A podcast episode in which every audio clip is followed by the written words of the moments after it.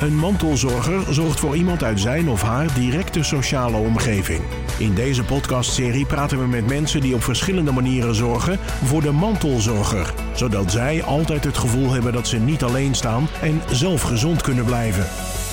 Naast mij zit uh, Marianne Weel, consulent en case manager respijtzorg bij het Mantelzorgcentrum. Welkom Marianne. Dankjewel, Monique. En uh, mijn eerste vraag is: hoe lang werk je al bij het Mantelzorgcentrum? Dit is mijn tiende jaar, Monique. Ja, de tijd gaat snel en uh, een prachtig uh, vakgebied waar ik per ongeluk eigenlijk in beland ben. En uh, van tevoren niet had kunnen bedenken dat dat zo, zo divers zou kunnen zijn. En, en hoezo ben je er per ongeluk ingeraakt dan? Nou, ik kwam eigenlijk uit de formele zorg vandaan, de ouderenzorg en de gehandicaptenzorg. En uh, bij toeval uh, kwam ik terecht bij het mantelzorgcentrum. Die zochten een consulent, was toen het steunpunt mantelzorg. Het is later het mantelzorgcentrum geworden met uh, Truus Oud als directeur. Zij was al uh, jaren bezig in Noord-Kennemerland. In de kop van Noord-Holland is het mantelzorgcentrum, of toen nog het steunpunt mantelzorg, opgezet door Omring.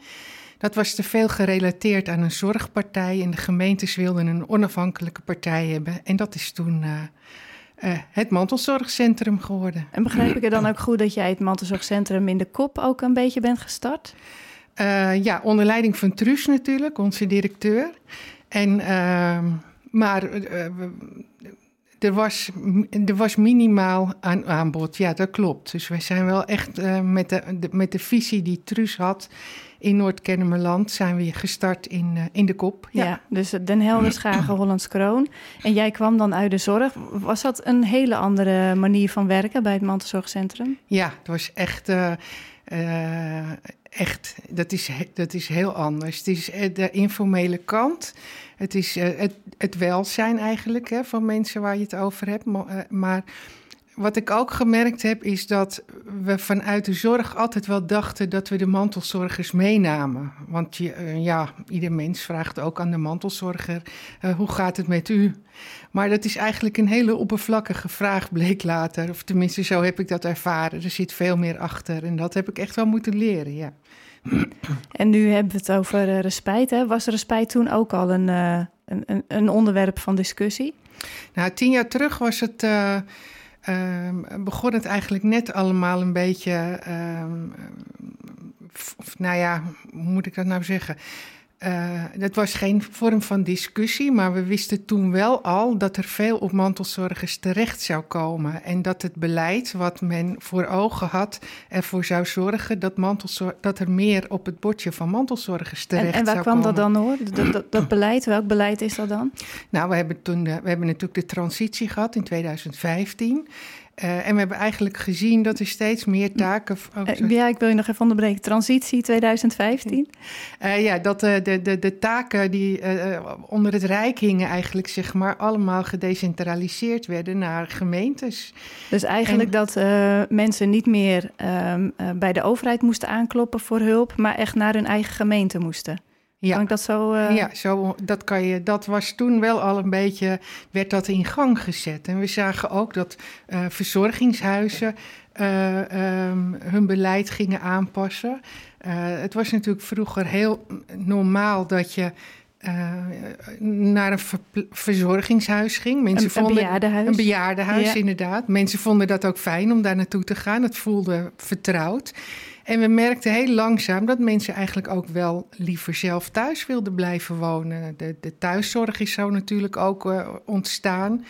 En met al die ontwikkelingen, ja, mooie ontwikkelingen, maar door, hierdoor ook meer verantwoordelijkheid op de schouders van mantelzorgers. En kun je nog heel even uitleggen wat, wat een mantelzorger nou precies is? Een mantelzorger is iemand die langdurig voor iemand uit zijn naaste omgeving zorgt. Het is vrij breed.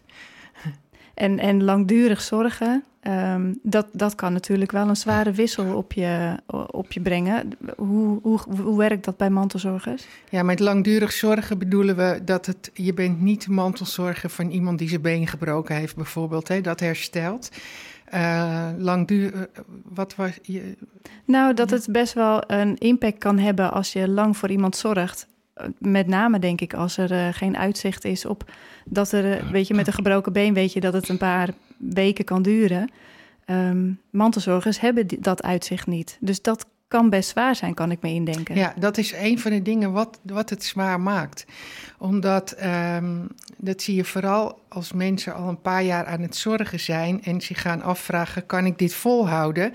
Dan. Um, uh, zeggen ze ook soms wel eens: als ik weet dat het nog zo lang duurt, dan hou ik het nog vol. Maar omdat je dat niet weet, kan het. Uh, uh, dat maakt het lastig. Ja, en wat kunnen mantelzorgers daartegen doen?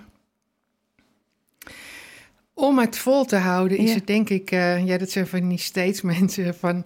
Uh, zorg ook goed voor jezelf. Uh, maar dat is makkelijk gezegd. Hè? Het zal je maatje maar zijn waar je al 50, 60 jaar mee getrouwd bent. Of het is je kind. Um, maar toch is dat zo. Je, je, je moet af en toe ook aan jezelf blijven werken en voor jezelf blijven zorgen. Om het leuk te vinden en om het te kunnen blijven doen. Ja, daar ben ik van overtuigd. En, en hoe doe je dat, voor jezelf zorgen? Ook af en toe tijd voor jezelf inplannen. En ook af en toe iets leuks voor jezelf plannen. Ik kom veel bij mensen thuis en dan vraag ik ook aan mensen van... Goh, hoe ziet je week er eigenlijk uit? Nou, ze beginnen altijd te vertellen over wat ze allemaal voor, aan zorg leveren. Nee, maar wat doe je nu voor jezelf? En dan zie je ze daar denken, nou, dat is niet zoveel meer in veel gevallen. En dan maken we ook vaak afspraken van, nou, we gaan eerst eens wat leuks voor onszelf weer doen. Wat, waar denk je aan? Wat zou je willen? Nou, ik had laatst iemand die zei, ik zou wel weer eens willen fietsen. Nou, in je agenda opschrijven. Ja, het klinkt zo simpel, maar zo werkt het soms. Woensdagmiddag dus, ga ik fietsen. Zij, zij hadden daarvoor ook eigenlijk nooit voor zichzelf een momentje ingepland. Of in ieder geval bewust ingepland. Nee, dat is, is, is best dat... wel heel lastig voor mensen. Want als ze.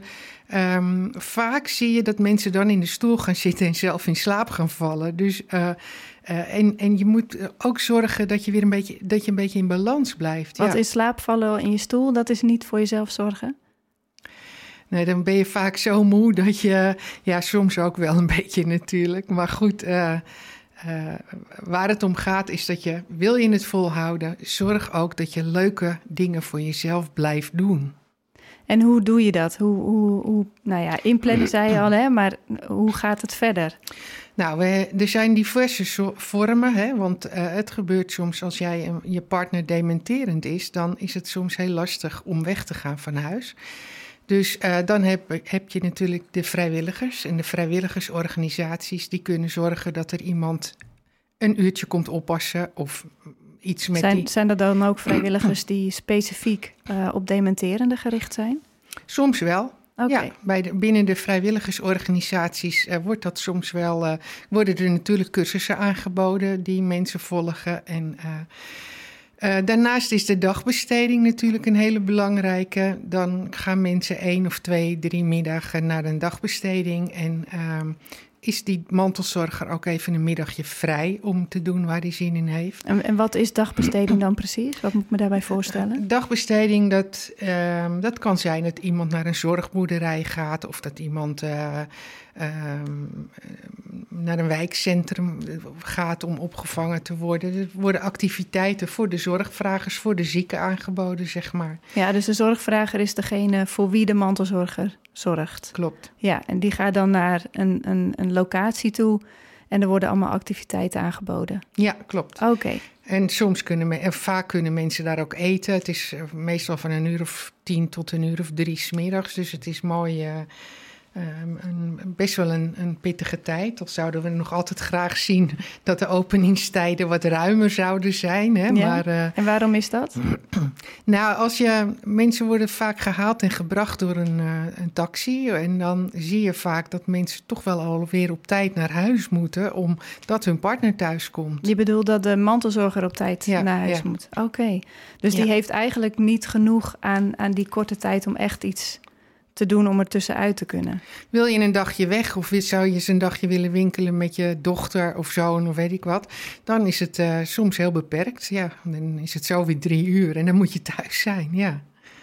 Ja, en dat is ook uh, een van de redenen geweest waarom wij uh, gestart zijn binnen het mantelzorgcentrum met het project Respijthulpen. Wij merkten dat, uh, dat er behoefte was bij mensen om eens een dag weg te kunnen. Een dag, nou, een dag winkelen. Of een dag met een vriendin naar een, een, een, een uh, een markt bezoeken of een tentoonstelling of, of wat dan ook.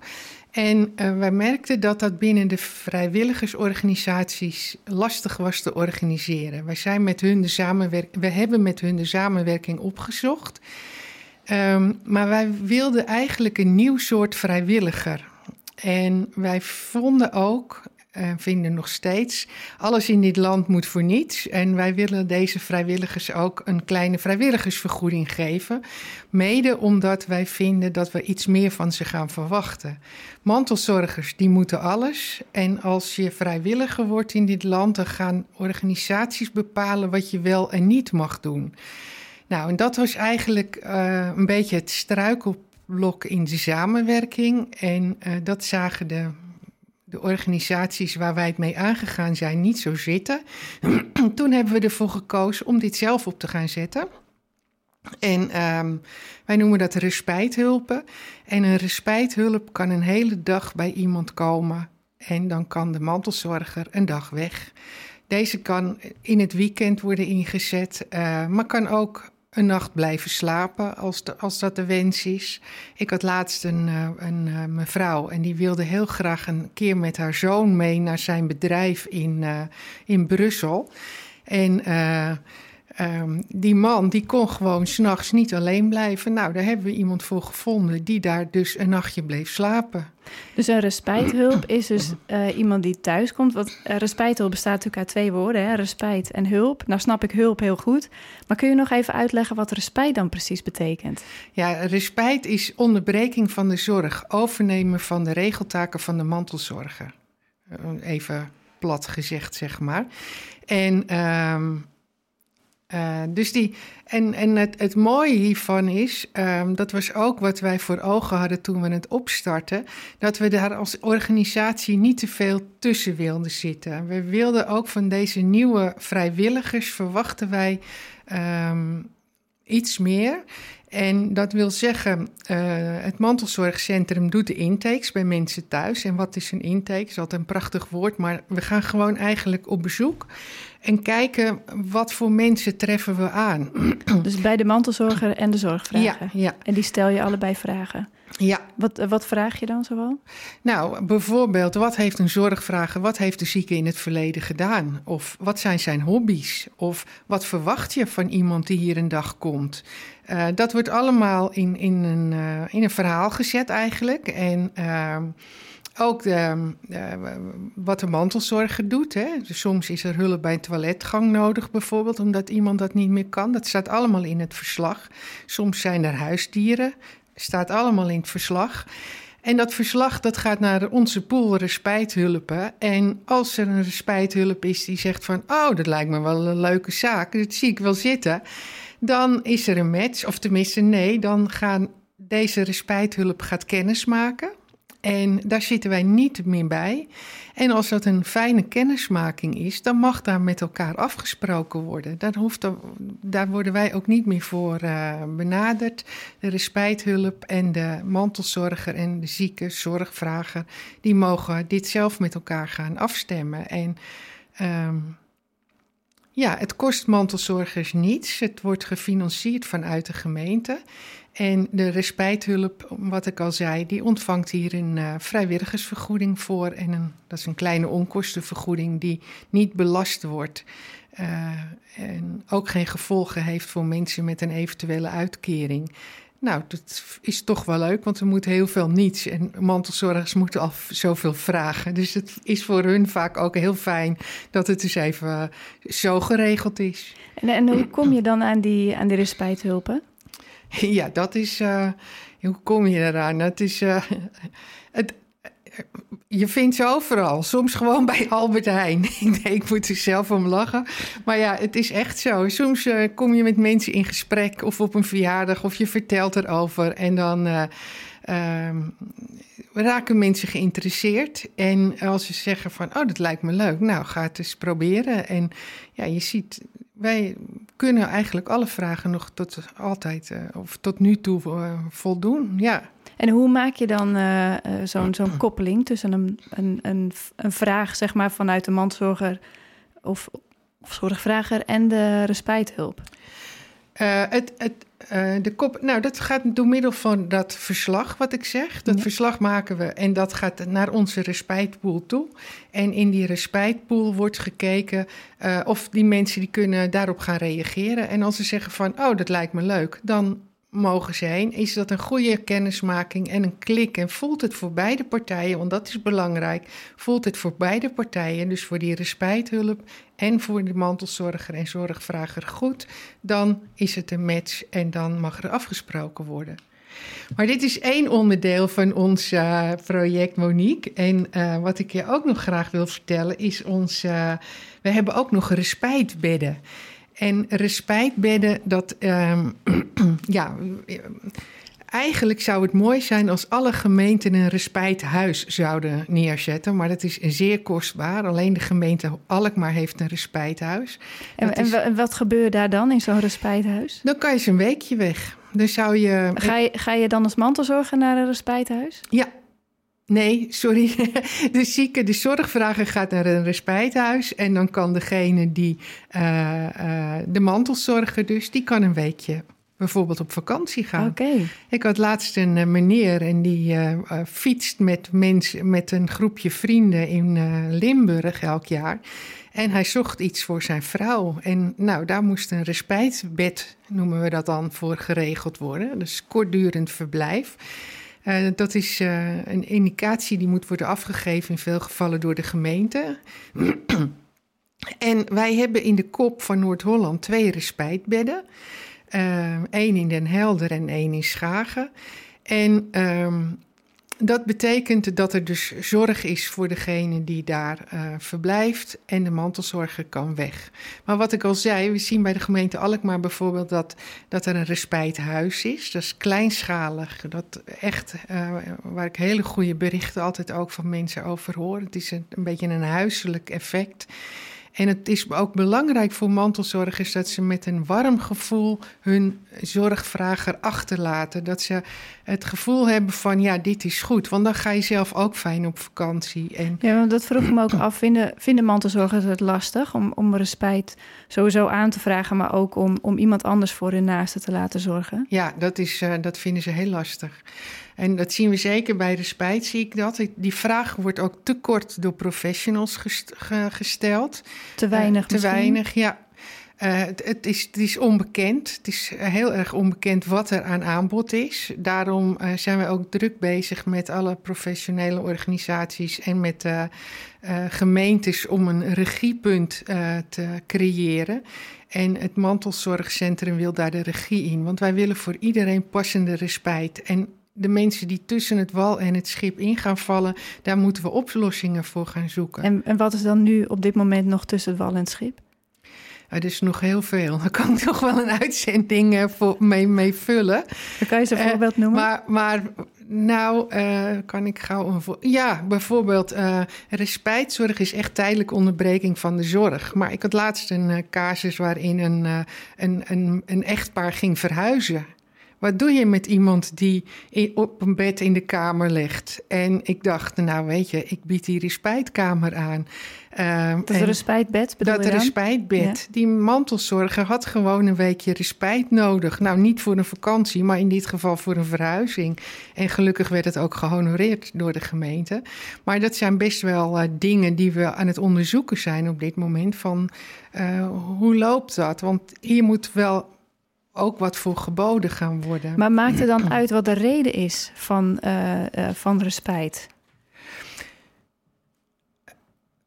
Um, ja, op, op, dat is, dat, nu is het zo. Respijtzorg is tijdelijke onderbreking. Ja, en je hebt ook nog, dat is nog wel een belangrijke om te zeggen. Je hebt respijtbedden, maar je hebt ook eerste lijnsbedden.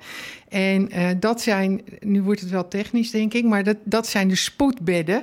Uh, wat ook heel erg bij mensen leeft, is stel ik breek mijn been als mantelzorger dan, hè, of als mantelzorger uh, val ik neer vanwege hartfalen, ik noem maar iets geks. Het is wel iets wat bij mensen in het hoofd leeft. En dan zijn er eerste lijnsbedden, dat zijn spoedbedden, die worden weer vergoed door de zorgverzekering. En die moeten uh, aangeboden worden door, of, of, tenminste in veel gevallen zijn het de huisartsen die spoedbedden gaan regelen. We hebben in heel Noord-Holland uh, van die bedden staan, die dus nogmaals gefinancierd worden vanuit de zorgverzekering. En uh, het kan dan zijn dat je partner opgenomen wordt, bijvoorbeeld in Horen. Dat is voor veel mensen ver weg, maar ja, nood breekt wetten. En dan is het soms wel de oplossing. Ja, dus voor, is... voor, spoed is er eigenlijk altijd wel iets ja. te vinden. Ja. Maar wil je het van tevoren, uh, ja. is, er, is het dan ook moeilijk om, om aan te vragen? Respijtzorg is planbare zorg. En ja, wat is planbaar? Hè? Ik vind uh, met een week ook planbaar. Um, wij hebben met gemeentes, met een aantal gemeentes inmiddels afgesproken uh, dat als er een respijtvraag komt, dat die eigenlijk altijd gehonoreerd gaat worden. Dat wil zeggen, de gemeente controleert ons natuurlijk wel. Tenminste, als wij heel veel aanvragen zouden krijgen en uh, de gemeente denkt: hé, hey, hoe zit dat? Dan hebben zij altijd natuurlijk het recht om ons ook te controleren. Valt deze persoon nog onder de WMO of moet hij naar de wet langdurige zorg? Nou, dat soort vragen ga je dan krijgen. En, en zijn dat ook maar, vragen die de mantelzorger zelf allemaal moet gaan uitzoeken? Of uh, kan ik zeg maar bij zo'n spreken vandaag bellen... ik wil volgende week met vakantie en jij regelt alles? Graag. ja, dat is de beste en de kortste. Ik, ik zou het uh, niemand aanraden om dit, uh, dit zelf te gaan um, uitzoeken... want het is echt een woud aan gedoe. En wat we ook. Is dat misschien ook de reden dat, dat respijt zo weinig wordt gevraagd, aangevraagd? Het zou best kunnen. Het, is een van de redenen, laat ik het zo zeggen. Um, het is. Het is ja, het is, er is nog heel veel um, om, het te vereenvoudigen. Ja.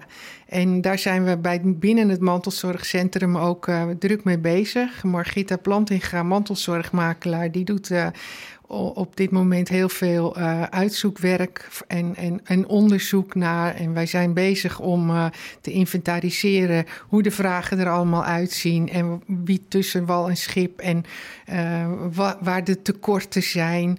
We merken bijvoorbeeld voor mensen met dementie dat er echt, echt veel te weinig respijtplekken zijn. En dan wordt er weer gekeken op dit moment van ja, hoe hoe ziet die persoon met dementie eruit? Als het iemand is die in een stoel blijft zitten en meegaand gedrag vertoont, nou, dan kan hij wel hier terecht. Maar het is allemaal een beetje, nou, een beetje wollig, zeg maar. En we willen daar eigenlijk wel meer structuur in gaan krijgen. Dus ik adviseer echt professionals, maar ook mantelzorgers. Bel en zeg gewoon wat je wil. En, nou, ik... wat, wat doet het met mantelzorgers, die, die respijt? Wat doet het met jou een weekje vakantie als je een drukke baan hebt? Ja, dat, dat, dat, ja, ik heb inderdaad wel vakantie uh, ieder jaar. Mantelzorgers niet. Dus. Nee, nee. Het zou eigenlijk, wat mij betreft, gewoon een verplicht item moeten worden. Alle mantelzorgers die met zulke soms zware zorg uh, leveren thuis, die moeten gewoon ja, minimaal vijf weken per jaar een weekje vrij kunnen krijgen. Dat zou dus, mooi eh, zijn. Als, als ik het dan zo mag samenvatten, hè, respijt is voor mantelzorgers ontzettend belangrijk. Bij deze dus ook een oproep, ben je mantelzorger, plan dat respijt in. Ja. En, en kom je er niet uit, neem contact op met het mantelzorgcentrum. Ja.